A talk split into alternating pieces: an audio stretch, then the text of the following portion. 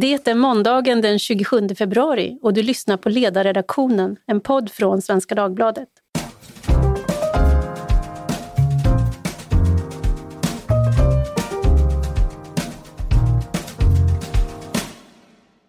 Jag heter Tove Livendal och idag sitter jag här med en av mina frilansanknutna medarbetare, nämligen Claes Arvidsson. Välkommen Claes! Tack! Och då förstår ni som läser Svenska Dagbladet regelbundet att det kan komma att handla om säkerhetspolitiska och försvarspolitiska frågor och det stämmer bra. Men först ska vi för de som inte känner dig närmare ändå göra en introduktion. Och jag har gått och tittat på din hemsida och tittat på din CV och där står det att du mellan åren 78 till 93 var verksam vid Uppsala universitet. Vad gjorde du där? Jag eh, pluggade statskunskap och Eh, öststatskunskap och sen så började jag också arbeta på en institution för öststatsforskning. Och mot slutet av den perioden så övergick jag också till eh, att jobba inom mediebranschen. Så att det var under en period som, som eh, jag dubblerade. Just det, för 89 började du som ledarskribent i Uppsala Nya Tidning som är min lokala tidning. Kan jag, säga. jag läser den varje morgon. Och eh, där blev du tio år, fram till 99. Det stämmer bra och under den tiden så dubblerade jag också med bokskrivande så att jag hade lite olika projekt som eh, rörde bland annat Sverige och Europa. Just det. Och från 99 till 2013 då skrev du ledare på daglig basis i Svenska Dagbladet och sen blev det flytt till Norge. Stämmer bra. Eh, och den här perioden i Svenska Dagbladet var bara så otroligt rolig och eh, så fantastiskt att vara i en miljö där man eh, kan resa sig upp och ge, komma med kraftuttryck över att någonting händer som man inte önskar ska hända eller lite senare ha en, en bra intellektuell diskussion. Verkligen superroligt. Jag gratulerar dig Tove som fortfarande är kvar. ja, och det, fast det är ju du också. Det är ju, det är ju så, Svenska Dagbladets ledarsida är ju som Hotel California. You can check out anytime you want but you can never leave. Så du har ju också sedan 2013 skrivit ledare, fortsatt hos oss fast på inte, inte, inte daglig basis men ändå regelbundet. Ja, det är jätteroligt. Ja, det tycker vi också. Och där, hos oss har du ju haft särskilt fokus på det som har varit, eh, som också där du började i studierna, det har varit EU, Ryssland, svensk utrikes försvars säkerhetspolitik, men du har också skrivit om mänskliga rättighetsfrågor och frågeställningar kring Europas 1900-talshistoria. Ja, stämmer bra. Jag har varit väldigt starkt engagerad i den typen av frågor och det gör ju också att, eh, att jag har varit väldigt starkt engagerad i utvecklingen i Ryssland och vad det som sker i Ukraina mm. nu och under ett antal år. Vi ska också säga att du var ju med där när vi eh, startade en blogg på svenska som heter Säkerhetsrådet och var redaktör för den. Och, men sen då som i och med frivärldstillblivelsen flyttade över till deras hemsida. Men sen ser jag också på din CV att du är ledamot av Kungliga krigsvetenskapsakademin och medlem av Oslo militära samfund. Vad innebär det? Ja, vad gäller Oslo militära samfund så, alltså båda organisationerna är ju sånt som sker genom inval.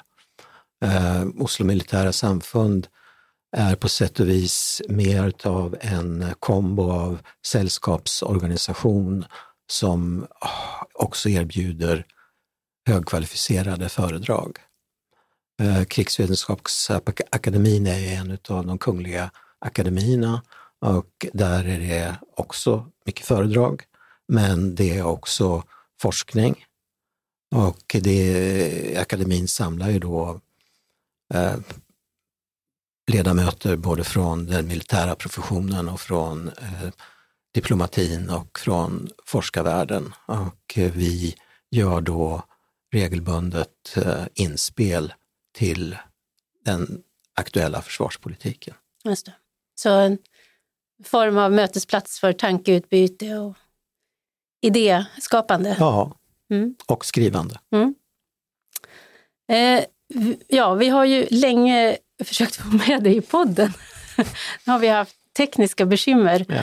med det. Men eh, nu, Och teknostress. Ja, men nu när jag fick höra att du skulle vara i Stockholm så tänkte jag att det här var ett gyllene tillfälle. Och dessutom fick jag en knuff eh, i riktningen på Twitter härom veckan. För när jag eh, i, på Twitter puffade ut för din text som du skrev den 24 februari Eh, med citatet “Faller Ukraina kan andra stå på tur, vinner Ryssland kan hoppet om att återupprätta den europeiska säkerhetsordningen avskrivas”, slutcitat. Då fick jag svar av den sverigedemokratiska riksdagsledamoten Robert Stenqvist och han skrev så här.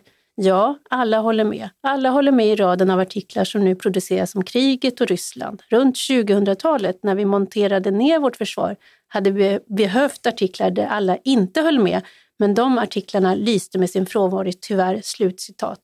Och det där bestred jag eh, och sa att det där gällde inte Svenskans ledarsida. Men jag tänkte också att det berättar kanske, det inlägget berättar att vi behöver lite perspektiv på den svenska säkerhets och försvarsdebatten så som den har sett ut, om detta är en uppfattning som finns spridd på fler håll. Och då finns det ju faktiskt ingen bättre lämpad än just du att ha för att tala om detta. Därför att du har ju skrivit en stor mängd av de artiklarna som Robert Stenqvist uppenbarligen missade. Mm.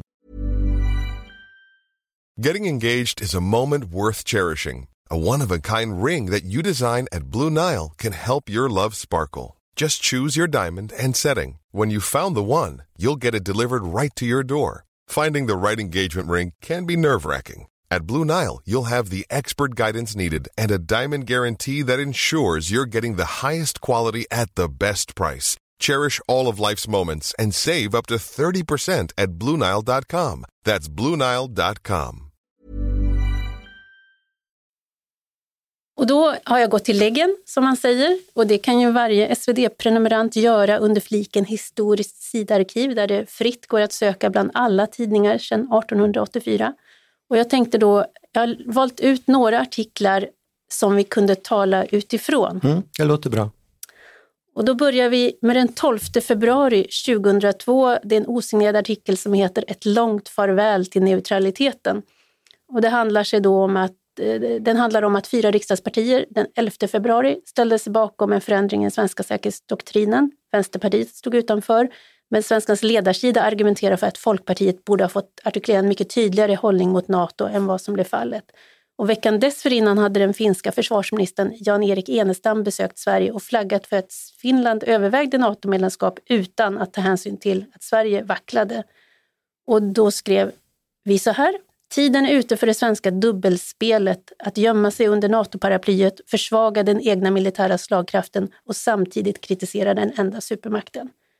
Min fråga då, Claes, vad stod i vägen för det svenska medlemskapet i NATO som ju sakligt sett har varit motiverat på samma sätt under lång tid och som ja, och inte skiljer sig mot de skäl som gjorde att vi, gick, vi har tagit beslutet nu? Och vad har varit de viktiga punkterna längs vägen för att vi skulle hamna där vi till slut gjorde? Eh, För det första kan jag säga att eh, jag tyckte de var ganska bra ledare. Mm. Den står sig. Den står sig. Om man börjar med slutet då, liksom, alltså de absolut viktigaste punkterna. Det, det handlar ju då om 2014. Eh, Den förändrade opinionen i Sverige. Alltså nu pratar jag om Krim och eh, annekteringen av delar av Donbass. Eh, Det är också så att Moderaterna hamnade i opposition. Och från att ha varit ett parti som, vad ska man säga, formellt hade ett NATO-medlemskap i partiprogrammet så eh, började man eh, se på det i termer av eh, politik. Alltså Moderaterna, Moderaterna och NATO var ungefär som med Socialdemokraterna och monarkifrågan. fanns med i partiprogrammet men man gjorde inte ett dyft för att lyfta den. Men det ändrades efter det att eh, vi fick regeringsskiftet och eh, sen har vi då eh, det som hände i, i Ukraina som kastade ett eh, begärt ljus över det som då var den säkerhetspolitiska doktrinen och som jag brukar kalla, kalla för hoppas på det bästa-doktrinen. Det vill säga att eh, skulle något elände hända så hoppas vi få hjälp, men det finns inga garantier för att vi ska få det. Så det var 2014 var en sån där omslagspunkt eh, som ju inte bara ändrade den allmänna opinionen utan också ändrade debattläget i Sverige vad gäller eh, det nationella försvaret. Och eh, sen har vi ju då 2022 som vi alldeles precis har uppmärksammat och eh, den viktiga händelsen där det är ju då att Socialdemokraterna svänger om och det handlar ju då om säkerhetspolitiken och hoppas på det bästa-doktrinen. Eh, men också utan att man kan vara helt säker på det innan vi har fått forskning om detta om 25 år, nämligen att Socialdemokraterna inte såg fram emot att gå till val med ett nej till NATO. Mm. Om man sen ser på Alltså historien, historien kan man, kan, man kan liksom gå så långt tillbaka i historien. Den slutar aldrig. Eh, men hur vi liksom hamnade i detta NATO-motstånd. Ja, en aspekt eh, handlar om så den svenska självförståelsen av neutraliteten under andra världskriget, eh, som ju var synnerligen ihålig. Men eh, så i, först, i första vändan så i första vändan så var vi eh, neutrala på, på de tyska, tyskarnas sida och i den andra vändan var vi neutrala på de allierades sida. Eh, men eh, men liksom bilden, den offentliga bilden som sattes av neutralitetspolitiken var att den hade varit oerhört framgångsrik och, eh, och vi var verkligen föredömen. Och det var en bild som satte sig. Däremot så var det knäpptyst kring det hemliga militära samarbete som Sverige hade med olika NATO-länder och som var väldigt nära och intimt och som Mikael Holmström bland annat, som tidigare jobbade här på Svenska Dagbladet som säkerhetspolitisk reporter, har skrivit en, en fantastiskt intressant bok om. Läs den.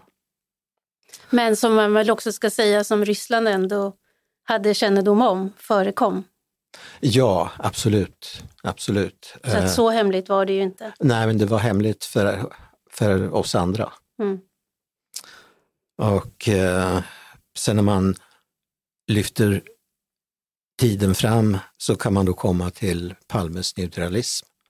Och där Sverige då går från en neutralitetspolitik som handlar om att man ska göra det minst möjliga till en neutralitetspolitik som handlar om att man ska vara hyperaktiv och ta ställning i olika frågor och mellan blocken och särskilt för ett block och det var inte västblocket. Mm. Så, och är det så att man har lust att fördjupa sig i just den tiden och inte bara vad gäller utrikes och säkerhetspolitiken så har jag också skrivit en bra bok om den tiden. Kan också rekommenderas. Så att det här liksom summerar till en slags äh, svensk självbild av att vara en, en moralisk stormakt. Medan NATO representerade mera en moralisk, omoralisk krigsmakt som styrdes av USA. Just det, men som vi i praktiken ändå har förlitat oss på ska hjälpa oss om det värsta händer. Det var helt det enda alternativet. Mm. Och, eh, och det fanns ju också, Sverige var ju med i, i, i krigsplaneringen och svensk krigsplanering var också orienterad mot att eh, vi skulle få hjälp och att eh, de amerikanska B52 som kritiserades i Sverige för att bomba i Vietnam, de skulle då flyga över svenskt luftrum med atombomber för att bomba på den sidan. Just det. Ja, eh, det här för oss vidare till nästa artikel jag har. Men, jag har ju bara börjat! Nej. Ska man då ta liksom vägen fram så är det Partnership för fred 1994. Eh, samarbetet växer utöver partnerskapet. Sverige blir med i fler och fler kommittéer. Sverige deltar i Natos internationella missioner. Sverige deltar i Natos övningar 2013 så inträffade en väldigt speciella händelse som eh, försvarsdepartementet valde att inte berätta om på sin hemsida. Nämligen att eh, när NATO för, för första gången på väldigt länge hade en artikel 5-övning, alltså, det här var en stabsövning, men en artikel 5-övning, så deltog Sverige. Så, eh, men som tur var så kunde vi berätta om det för Svenska Dagbladets läsare. Och eh, sen i början på 2002 så, så kommer ju övergången från att eh, Sverige har varit alliansfritt till att vi blir militärt alliansfria.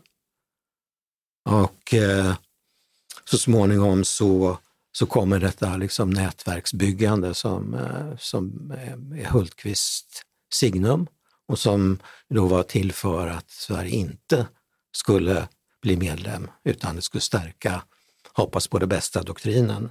Men eh, i själva verket kan man ju säga att, eh, att det här säkerhetsnätverket, byggandet av det, har gjort att, att Sverige har kommit ännu närmare in i NATO. Och så för ett par år sedan så har du mm, avtalet om värdlandsstöd och Sverige blir premiumpartner och så vidare. Och hur ska man förstå den här Hultqvist-inställningen, eh, det vill säga att då i praktiken närma sig men, men alltså, i det uttalade stå kvar på samma ställe? Ja, det är socialdemokratisk beröringsångest. Mm. Och som jag tänker då väldigt mycket arvet från Palme. Ja, för det var ju uttalat så länge det bara gick innan, innan det inte gick längre. Ja. Även efter den 24 februari. Ja. Mm. Skandal. Mm. Ja, precis. Det, det är, det är här, bra att de ändrar sig, men det hade varit bättre om man hade tänkt rätt innan. Ja. Ska vi då gå vidare till nästa artikel? Ja. ja då, Får jag se vad jag tycker om den? Ja, då har jag letat fram en som är från den 16 september 2004. Och det är en osignerad artikel apropå förhandlingarna om ett nytt försvarsbeslut. Och då citerar jag. När riksdagen bestämmer hur vår militära kapacitet ska se ut får den inte bortse från två grundläggande fakta. Ryssland kommer att ligga där det ligger även i framtiden och risken för snabba och ogynnsamma regimförändringar i detta väldiga grannland är fortfarande inte försumbar." Slutcitat. Jag tänkte fråga, det svenska försvaret, är det ett, eh, jag tycker det är som en studio i jojobantning. Kan du berätta hur de övergripande turerna har sett ut sedan 90-talet? Ja, alltså först så vet jag inte om jag håller med om detta med jojobantning. Eh, det kanske beror på att jag inte riktigt vet vad det är. Men, eh, men, men om jag tänker på en jojo så går den liksom upp och ner. Eh, och eh, därför så funkar bilden inte riktigt för mig. Eh, för att liksom under kalla kriget så låg väl mm, försvarssatsningarna på typ 3% utav BNP och sen så, sen så kommer eh, Sovjetunionens fall och eh, den eviga freden bryter ut. Och, eh, och det är lite grann som att, eh, att vi vad gäller bistånd då har ett enprocentsmål. Eh, så fick vi då liksom ett informellt försvarsmål på en procent. Och det har, det har ju då dröjt väldigt länge innan, innan snöret har rullat upp sig igen om man säger så. Men det, du vet, det är som där, när, när den har slutat så gå väldigt fint, då kommer liksom så där att det börjar gå ner och ner och sen får man dra som tusan för att försöka få upp det. ja, nog har vi dragit alltså. så, och eh, vad ska man säga, alltså det, är, eh, det var ju helt naturligt och självklart att man skulle grubbla över hur försvaret skulle se ut i, en, i ett nytt eh, läge. Men mm, alltså, även när man hade bantat, börjat banta försvaret så i början på 90-talet då, så hade, fanns det ändå liksom 60 000 soldater och officerare. Och målet var att man skulle reducera till 8 000. Lite längre fram då. Eh, och, och det betyder att eh, eh liksom effekten av det är liksom att det nationella försvaret försvinner. Och eh, det sist, liksom sista skottet som avslutades mot det svenska nationella försvaret, det var just försvarsbeslutet 2004. I och med de bantningar som gjordes där så fanns det liksom inte någon enkel möjlighet att göra ett återtag. Och eh, det som var så dystert, så alltså, i mitten på 90-talet så, så gjorde man någonting väldigt klokt, nämligen man kom fram till att man skulle ta en strategisk time-out för att fundera över ja, hur ser världen ut, vad behöver vi göra, vad behöver vi ha för någonting. Mm. Men istället så blev det en slags blackout. Och liksom, man, man liksom bara raderade ut allting. Och, eh, och en sak som, man då, som jag tycker man ska komma ihåg, det är att, att det kan då liksom finnas sådana som hävdar att eh, ja, liksom, vi röstade minsann emot eh, det här försvarsbeslutet. Det är liksom Socialdemokraternas fel, Centerpartiets fel. Men om man liksom tittar på hur det var, så, eh, så liksom huvudlinjerna var man ju överens om. Mm. Det, det som skilde det var lite pengar, men det var så lite pengar så att det betydde egentligen ingenting. Någonting som, som väl kanske inte var helt oväntat men som ändå skapade viss besvikelse här på ledarredaktionen, det var ju att eh, den här eh, processen med nedskärningar fortsatte under alliansregeringen. Och, så jag var på, efter det att Göran Persson hade eh, lämnat politiken så var jag på ett seminarium där han pratade om försvarsindustri och så blev det lite tal om försvarspolitik. Och då säger han att ja, liksom så här funkar det, att de sista miljarderna som behövdes för att få budgeten att gå ihop, de tog vi från försvaret. Och i realiteten var det ju detsamma som Anders Borg gjorde. Så... Eh... Men skedde detta, alltså hur såg debatten ut kring detta då? Fanns det fler än Svenskans ledarsida som protesterade? Alltså, ett, eh, alltså vad gäller 2004 så kan man säga att eh, vi hade, före 2004 hade inte vi varit så jättepå vad gäller eh, försvars, försvaret och försvarspolitiken. Men så liksom tänkte vi, så tittade på det här, vad är det här för någonting? Vad är det som, håller man inte på och liksom bara lägger ner försvaret? Och eh, så kunde vi konstatera att nej, det är ingen debatt. Mm. Eh, så småningom så eh, har det ju då blivit mer debatt. Eh, men om man då liksom hoppar, hoppar fram till Georgienkriget 2008, så ett, eh, försvarsberedningen hade året innan sagt att, eh, eller skrivit att eh, Rysslands agerande mot sina grannländer skulle vara ett lackmustest för hur man ska se på, på Ryssland. Eh, ja, så kom då kriget. Och vad hände? Eh, ingenting. Mm. Eh, men man började kunna se eh, att i, i, liksom i mediedebatten att det började höras röster som tyckte att man måste lyfta detta med det nationella försvaret. Men ofta var det så att ja, vi ska göra internationella insatser, för försvaret hade ju då omorienterats mot eh, internationella insatser. Och då kan det ju räcka med 8000. Mm. Eh, men samtidigt som man då säger att internationella insatser kombinerat med ökat fokus på den nationella dimensionen, men inga höjda försvarsanslag. Så eh, eh, och det, man kan ju säga att överhuvudtaget så så var ju intresset för försvarspolitik klent. Och, eh, utan att liksom nämna några namn kan man väl också liksom säga det att, eh, att det fanns en del av dåtidens ledande försvarspolitiker som man hade kunnat önska eh, någonstans. Mm.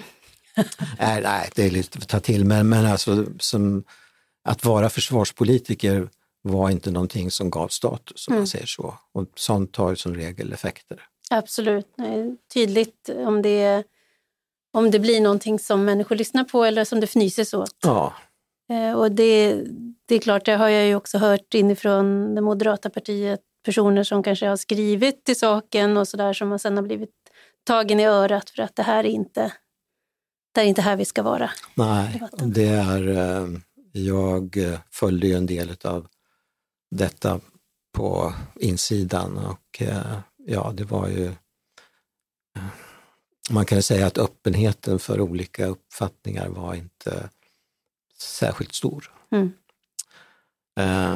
Så vad gäller det nationella försvaret så kan man ju också då erinra sig att när försvarsberedningen kom med sin rapport 2007 så säger man där, Ehm, för att uttrycka det lite enkelt, att ja, Sverige kan själv välja att delta i en konflikt eller inte. Det vill säga, det fanns inte någon som helst extern hotbild som vi inte kunde styra över, utan det handlade om att delta i internationella operationer. Ready to pop the question? The jewelers at BlueNile.com have got sparkle down to a science with beautiful lab grown diamonds worthy of your most brilliant moments. Their lab grown diamonds are independently graded and guaranteed identical to natural diamonds, and they're ready to ship to your door. Go to BlueNile.com and use promo code LISTEN to get $50 off your purchase of $500 or more. That's code LISTEN at BlueNile.com for $50 off. BlueNile.com code LISTEN. Men om man nu ska, då kan vi ju så här, med, med facit i hand då, för nu, är det ju, nu finns ju inte längre kvar några dimmiga föreställningar om att det inte finns externa hot, utan nu är det uppenbart för alla. Men ändå, jag vet att det är egentligen meningslöst att säga vad var det vi sa eller och så, men ändå om man tittar tillbaka och funderar på det faktum att vi har haft kännedom, den har funnits där eh, hela tiden om, om eh, alltså hur Ryssland har agerat. Och samtidigt så har vi då helt och hållet anammat den här, som du säger, hoppas på det bästa-doktrinen. Om det värsta hade hänt, Ja, då hade vi fått hoppas på det bästa. mm, Och och, eh, det innebär ju då att istället för att ha ett krav på åtgärder så att säga, så får man då hoppas att det finns eh, lediga resurser att avdela för Sverige. Så att det liksom blir väldigt situationsbetingat huruvida Sverige skulle kunna få hjälp eller inte. Man skulle ju kunna tänka sig på samma sätt som man under så två års pandemihantering föranledde ändå en rejäl utvärdering för att se vad, vad gjorde vi fel. Men det här är ju av en helt annan magnitud kan man säga, att lämna ett land så pass blottat som politiker av alla kulörer har gjort med Sverige under så lång tid. Mm. Men det är, eh, ja det kan jag hålla med om, men man kan ju också erinra om att det har ju då gjorts en del NATO-utredningar. Och eh, Thomas Bertelman kom ju med en rapport som tittade på hur olika bilaterala eh, säkerhetsarrangemang skulle stå sig. Och eh, han kom då fram till att en rekommendation om att man borde ha en för och emotutredning om NATO-medlemskap. Eh, Peter Hultqvist, han sa då blankt nej till en sådan. Eh, oberoende av vad man skulle komma fram till så skulle det inte påverka hans syn på NATO. Eh, backar man bandet några år tillbaka till när Mona Sahlin var eh, partiledare så sa hon att det fanns inte under några som helst omständigheter som hon kunde tänka sig att Sverige skulle bli medlem i NATO. Så det fanns ju en slags eh, ja, liksom fanatism och ovilja att liksom ta in, Politik är att vilja, ja exakt. bortse ifrån realiteter. Så, och eh, man kan ju också säga att eh, den utredning som kom senare är också var en, en eh, men det är också så att alltså från moderat sida vill man heller inte ha en sån där utredning. därför att det var liksom politiskt obekvämt. Mm. Eh, så kan man ju säga att det är ett slags underbetyg för politiken att eh, när också liksom den här senaste rapporten kom, som kom 2016 eller 2017, eh, Eh, så liksom, ja, det talas lite grann om den, men så händer det inte någonting. Samtidigt så, om man då ser på försvarsbeslutet 2015, som, eh, som då antogs efter Krim, eh, så skulle man då kunna tycka att ja, vi kan inte prata om NATO-medlemskap. Nu ska vi då prata om att bygga upp det nationella försvaret, för nu var det, hade den frågan kommit upp på agendan. Och vad är resultatet? Jo, eh, man lägger fram ett förslag som är för klent i sak i förhållande till vad som hade behövts och samtidigt är det underfinansierat. Mm. Alltså det är, det om något är en politisk skandal. Och eh, om man sen då ser på vägen fram mot försvarsbeslutet 2020 så är det då hela tiden liksom en kamp om pengar och där, där framförallt Socialdemokraterna håller emot samtidigt som Nato är fy-fy. Och, eh, och liksom Magdalena Andersson framstår som, som en arvtagerska till traditionen från, från eh, Persson och Borg, eh, fast i den meningen att hon inte är beredd att plussa på tillräckligt. Just det. Jag minns att jag hade formuleringen i någon ledare, vad heter krona för krona på ryska? Mm. Och om vi då går till nästa artikel så handlar det då om Ryssland. Den skrev du den 7 juni 2005. Rubriken var Det blir bara värre och värre. Och då hade vi den här eh, Chodorkovskij-domen. Vi hade en offentlig studie från FOI som var skriven av Jan Lejonhjelm som ju nyligen kom med bok som du har ja. skrivit om. Och den eh, studien handlade om rysk militär förmåga i ett tioårsperspektiv och då skrev du så här. Ryssland kommer att ha förmåga att genomföra preventiva och förebyggande attacker i närområdet och kanske även globalt. Det skulle förstås kunna vara säkerhetstillskott, men vilka slutsatser ska vi dra av bristen på demokrati i kombination med ambitionen att bli en stormakt? Själv tycker jag att en god början skulle kunna vara att titta på underlaget för det redan havererade försvarsbeslutet 2004. Klokt. Ja, man får säga det. Det, är, det här det här, det här, är, det här är liksom podden där vi träffas och berömmer varandra. Det är de bästa poddarna. Eh, min fråga här är eh, vilka slutsatser vi 2023 ska dra om den ryska militära förmågan givet det vi har sett hittills? Ja, i förhållande till vad väl de flesta förväntade sig så har ju då eh, den ryska militära förmågan varit övervärderad eh, vad gäller sånt som ledning, logistik, delvis materiell. Och eh, riktigt vad det beror på kan man väl diskutera. Eh, men eh, det finns ju då till exempel eh, sådana saker som man kan peka på att eh, liksom, de, de gör det här och vi gör det här och eh, vi gör det här ganska bra.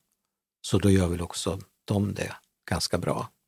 Och det är ju också någon som de har, bild som de har kolporterat. Och eh, det har då varit eh, eh ett antal försvarsreformer med fokus på kvalitet och förmågeuppbyggnad. Men eh, det vi då kanske har glömt bort och som har bidragit till att, eh, att vi inte riktigt har förstått är att eh, den ryska militären är en del av Ryssland som är eh, genomkorrupt etc. etc. etc.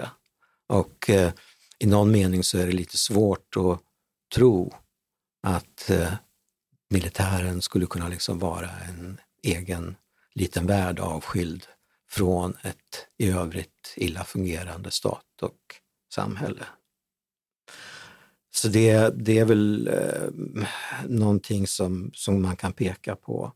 Eh, vad gäller framtiden så eh, nu ställer man ju då om industrin på krigsfot mm. och eh, eh, får man se hur långt det räcker i förhållande till det som vi kan svara med.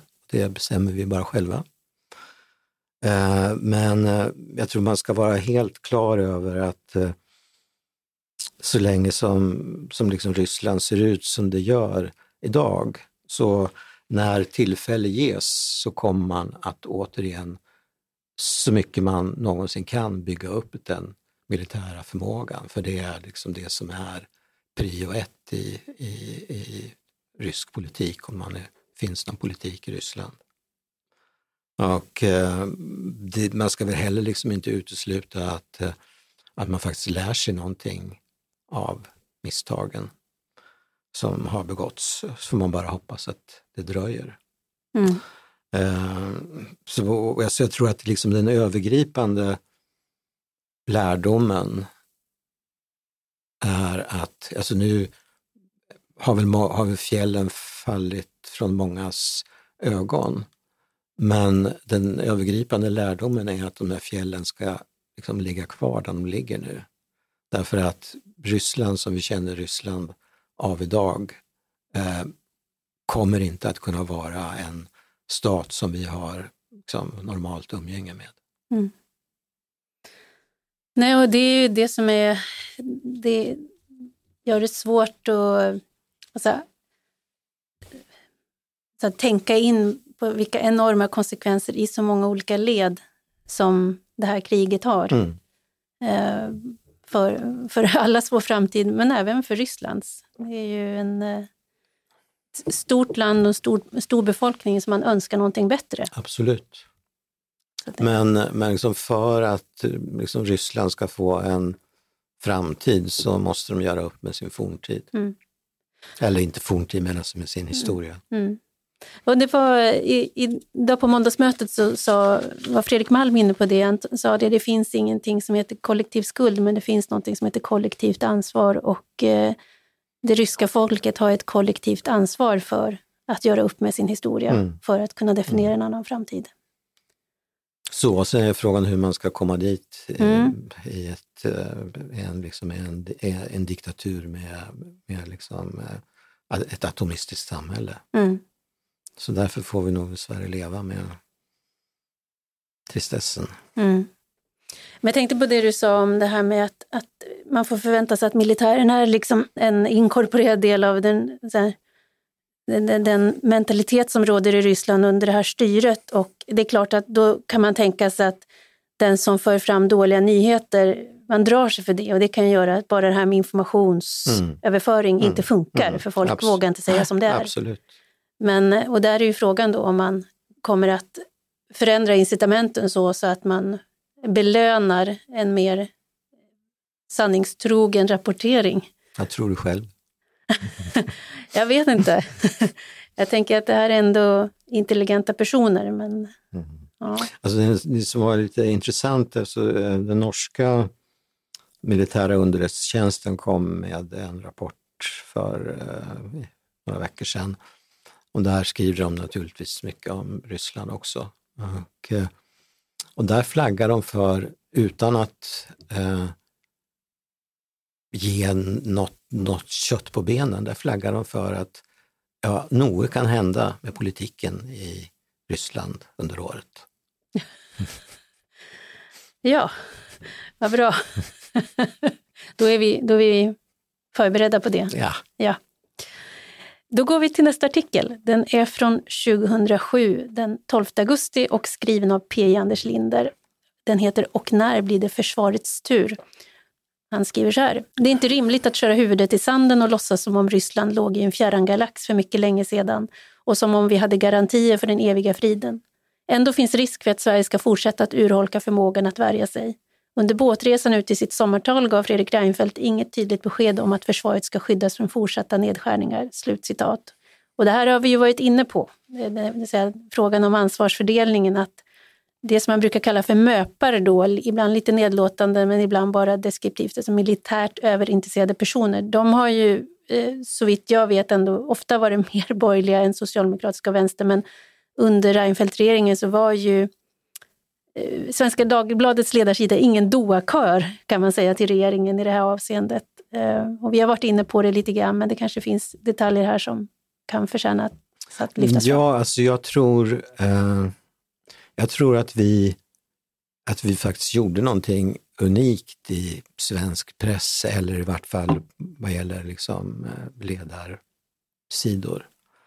Därför att, eh, som jag sa tidigare, så blev det här försvarsbeslutet 2004 en slags väckarklocka för oss. Eh, och så började vi liksom följa de här frågorna eh, mer och mer. Och det hör ju också till saken att eh, vi, vi var ju då också intresserade av Ryssland och skrev mycket om utvecklingen i Ryssland. Mycket mer än vad de flesta andra gjorde, eller vad alla, vad alla andra gjorde. Eh, så det fanns en slags eh, dubbel informationsinföring där. Och eh, jag kommer inte ihåg nu när det, när det liksom verkligen tog fart, men under alliansregeringens tid så kanske jag skrev två, tre texter i veckan som handlade om säkerhetspolitik i stort eller som handlade om svensk försvarspolitik eller som handlade om, om tillståndet i Försvarsmakten. Och eh, vi hade ju då lite olika format. Dels kunde det vara osignerade ledare det kunde vara signerade ledare. Och sen fanns det möjlighet att skriva liksom, korta texter. Eh, men vi hade ju också en ledarblogg. Så att det fanns, eh, det fanns liksom eh, en vilja att hålla i den här frågan när ingen annan gjorde det. Och eh, vi var ju då mm, liksom både älskade och hatade någon gång så, så kom det, tog det slut med sådana inbjudningar från Moderaterna till, till olika sådana försvarsevenemang. Och jag var själv inte på, alltså som kanske inte alla kommer ihåg så avgick då Mikael Odenberg 2007 därför att han eh, tyckte att eh, Borgs eh, besparingar gick eh, för långt. Och jag var inte själv på presskonferensen, men jag har då förstått att, att han då liksom kände sig frustrerad i stort, inte bara, bara detta med att, eh, att eh, de signaler som kom från Finansdepartementet, utan han hade ju också då fått mycket kritik från vår sida Han också säger någonting i stil med att jag och Svenska Dagbladets ledarsida, de, de blir väl inte nöjda förrän jag förklarar krig mot Ryssland. Eh, men våran önskan var ju bara motsatsen. Så eh, det var, eh, tror jag, så att vi utan att skryta allt för mycket ändå gjorde någon slags insats och avtryck för att eh, försöka liksom lyfta de här frågorna i den svenska debatten. Mm. Och eh, sådär 10-15 år senare så är vi där. Ja, vi är där. och, det är ju, och då kan man säga, det är ju, jag tänker också i det här sammanhanget eh, eh, Mats Johansson som ju var politisk chefredaktör i tidningen här några år och sen var riksdagsledamot för Moderaterna men höll i de här frågorna. Han, Fick inga medaljer för det. Nej, det fick han inte. Nej, och Gunnar Hökmark lika så. Eh, det var liksom... Eh, ja, det var inte så lätt. Det, var, det gav inga popularitetspoäng internt i partiet Nej. att hålla i de här frågorna. Och nu är det så här, även om man i sak kan få upprättelse så är det ju en sorg med tanke på att... Den förlorade tiden. Ja, verkligen. Eh, och på tal om det så går vi över till eh, den som är min sista artikel här och den är från 2011, är 12 år tillbaka, den 27 april. Eh, en artikel av dig, Välkommen VV Putin, heter den. Och eh, där skriver du så här. Sannolikt har det säkerhetspolitiska läget i Östersjöområdet aldrig varit bättre än nu. Det är förstås oerhört glädjande. Nord Stream, marinen och maktpolitiken pekar dock på risker som kan bli hot. Det finns inte någon anledning att ropa varg, men inte heller att bortse från att Östersjön har fått ökad militärstrategisk tyngd. Sett i det ljuset framstår det som ännu mera korkad försvarspolitik att Gotland frikallades och att man därmed skapade ett säkerhetspolitiskt vakuum som riskerar att fyllas. Beslutet att avmilitarisera Gotland kan vi och bör vi ändra på." Slutcitat. Ja, och det här var ju då tre år efter Georgien men tre år innan Krim. Ja. Och jag undrar, är det här liksom någon form av peak-positiv syn på Ryssland i svensk debatt 2011? Ja, alltså jag tror att, eh, alltså jag gjorde någon sån eh, mediastudie som kom väl då 2011.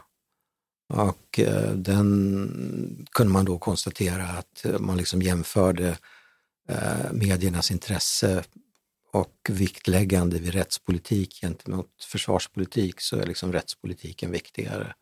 Mm. Eh, och eh, också om man ser på de resurser som man liksom satsade på de här olika politikområdena så kom ju då rättspolitiken bättre ut. Och en del, man tittar på ledarsidorna då så, så var det ju då två stora tidningar som Ja, där man liksom inte tyckte att försvarspolitik och den nationella, eller den nationella dimensionen var något särskilt viktigt. Mm. Så gjorde jag en studie två år senare och då kan man säga att den nationella dimensionen hade kommit högre upp i, i, i diskussionen. Eh, Så att eh, möjligtvis är 2011 någon slags, eh, någon slags peak. Sen när man ser på, alltså jag hade ju, man ser på min egen formulering här då så kan man väl säga det att jag vill liksom lyfta riskerna utan att framstå som, jag menar, det fanns ju sådana som tyckte att sidan eller jag var liksom rättshaverist. Mm. Och det prövar jag liksom att undgå. Mm. Ja, Sen, sen så, det här med avmilitariseringen av Gotland var väl kanske inte helt riktigt heller, om jag nu tänker efter, därför att eh, både försvarsministern och Försvarsmakten brukar ju vara representerade under Almedalsveckan. ja förvisso. Men jag menar, det, för, ju- för just det, men man avlövade Gotland militärt. Ja, Och med facit i hand eh, så är det inte så att man kan säga att Sverige med det bidrog till att skapa en instabilitet i Östersjöområdet som gjorde att Ryssland kände att de kunde flytta fram sina positioner. alltså det är ju helt klart så att Gotland då har en enormt stor geostrategisk betydelse för Ryssland och för våra vänner och eh, för oss. Eh, så det kan man nog säga. Eh, men, men det är också så att man ska se det i, i liksom en kontext av eh, som kunde vara precis lika inbjudande, nämligen alltså detta ständiga mantra om att Ryssland rustar från en låg nivå. Eller eh, om du minns eh, den här eh, så kallade ryska påsken 2013 Mm. när, eh, när man gjorde simulerade kärnvapenanfall och Carl Bildt säger liksom ja, man övar. Det var inte mer med den saken. Eller för den delen, det här var ju då samma vår som vi diskuterade enveckasförsvaret Mm, och som naturligtvis då liksom bidrog till att den nationella dimensionen kom högre upp. Och som alla minns så handlar det då om att, eh, att Sverige under en vecka skulle kunna försvara Sverige i en anfallsriktning. Det var Sverker Gustafsson va? Det var Sverker Gustafsson, ja. Och, eh, men inte omedelbart utan först om några år om Mm. allting klaffade. Så, så starkt var det svenska nationella försvaret. Så att eh, och, och, och- det gör ju då liksom att eh, beslutet att lämna Gotland blir ännu allvarligare. Och liksom den här, det är en tid när liksom Sverige är, vi producerar inte säkerhet utan vi hoppas importera säkerhet. Jag kommer att tänka på när SVDs tidigare chefredaktör Fredrik Karén intervjuade eh, Viktor Tatarintsev i Almedalen. Och, ambassadör. Ambassadör, förlåt. Och frågade om han trodde att vi skulle få se Putin under Almedalsveckan någon gång och då svarade han helt övertygad om att vi kommer få se eh, Putin på Gotland. Punkt.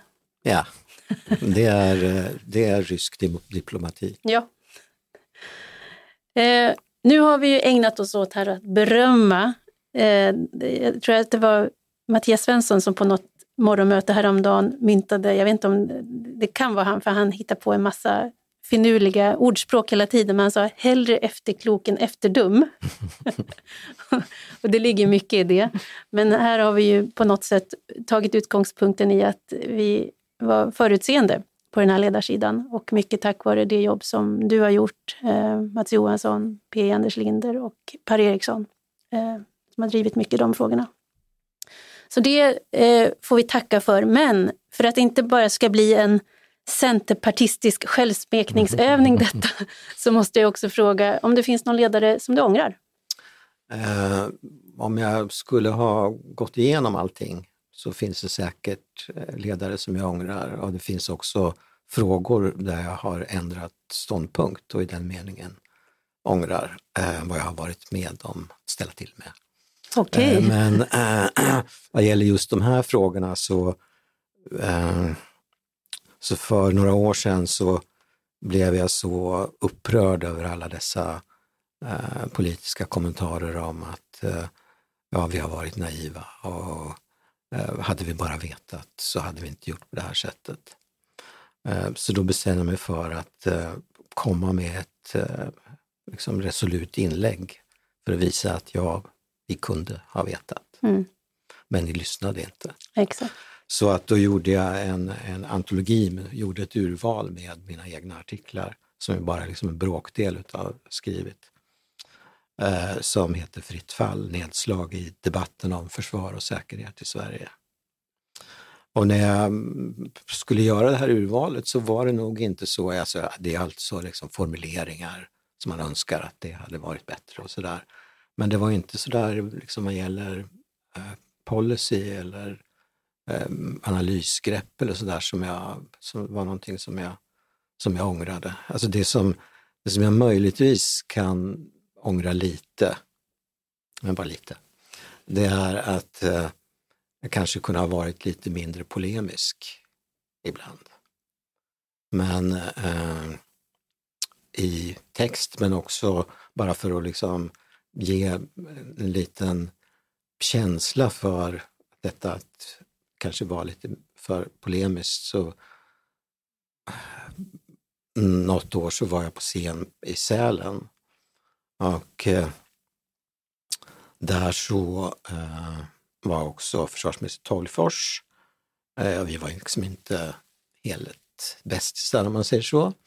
Eh, men i alla fall så eh, inledde jag med att säga att eh, när man hör Sten Tolgfors tala så är det som att eh, läsa en Pravda-ledare. Eh, därför att eh, allting är bara bra och bra. Men det som då skiljer en verklig Pravda-ledare från Sten Tolgfors tal, det är att efter allt beröm så kommer kritiken. Men det gör den aldrig i Sten Tolgfors tal. Sen så, eh, nu kommer jag inte ihåg vad det var för speciell fråga som, eh, som jag liksom beskrev processen. Och så sa jag liksom, om man tänker på vad politik som rationellt handlande går ut på, hur en sån process ser ut och jämför den med den här tolvforska processen. Eh, kan man då tycka att den är rationell? Men så säger jag liksom, och det är hemskt, så säger jag att alla som tycker att det här är rationellt reser sig upp. En person gjorde det. Så, eh, så det, var, Ja, det var polemiskt. det var kanske inte helt ställt, men samtidigt ganska kul. Ja, och sen är det ju så att eh, Svenska Dagbladets ledarsida är ju obunden moderat och eh, det bör manifesteras i, i att eh, åtminstone eh, ja, vartannat år ska partisekreteraren höra av sig och säga upp prenumerationen i vredesmod. Så ska det vara. Annars gör vi inte vårt jobb. Eh, det har precis varit ett år sedan den förnyade eller förstärkta invasionen av eh, Ukraina. Och eh, idag på Norrmalmstorg så var det, ja, trots sportlov, väldigt mycket människor där och eh, det var också en stor rad av diplomater. Det var eh, Estland, Lettlands och Litauens ambassadörer. Den tyska ambassadören var där. Även Kanadas ambassadör var där och talade. Så att det är ju en tydlig signal om att stödet för Ukraina inte avtar utan det, det snarare ökar i styrka i Sverige och det var uppemot tror jag, 4 000 och demonstrerade på, på Sergels torg i fredags. Men eh, ja, ett år in i detta, vad tänker du kring fortsättningen? Ja, att den fortsätter eh, och att eh, det känns väldigt sorgligt. Och att, för att citera Jens Stoltenberg, vapen är vägen till fred. Och där har omvärlden en möjlighet att göra skillnad. Absolut. Mm. Tack Claes Arvidsson för att du kom hit idag. Nu ska du få din belöning. Vi ska gå till ditt favoritkonditori, nämligen Vetekatten, Mhm. semla. Ja, det tycker jag vi har gjort oss förtjänta av. Båda två säger jag. Jag tar, in, jag tar det utlova mig själv en också. Så det ska vi göra. Tack som sagt var för att du ville komma och tack för ditt fortsatta bidrag till ledarsidan. Mm, tack själv. Mm.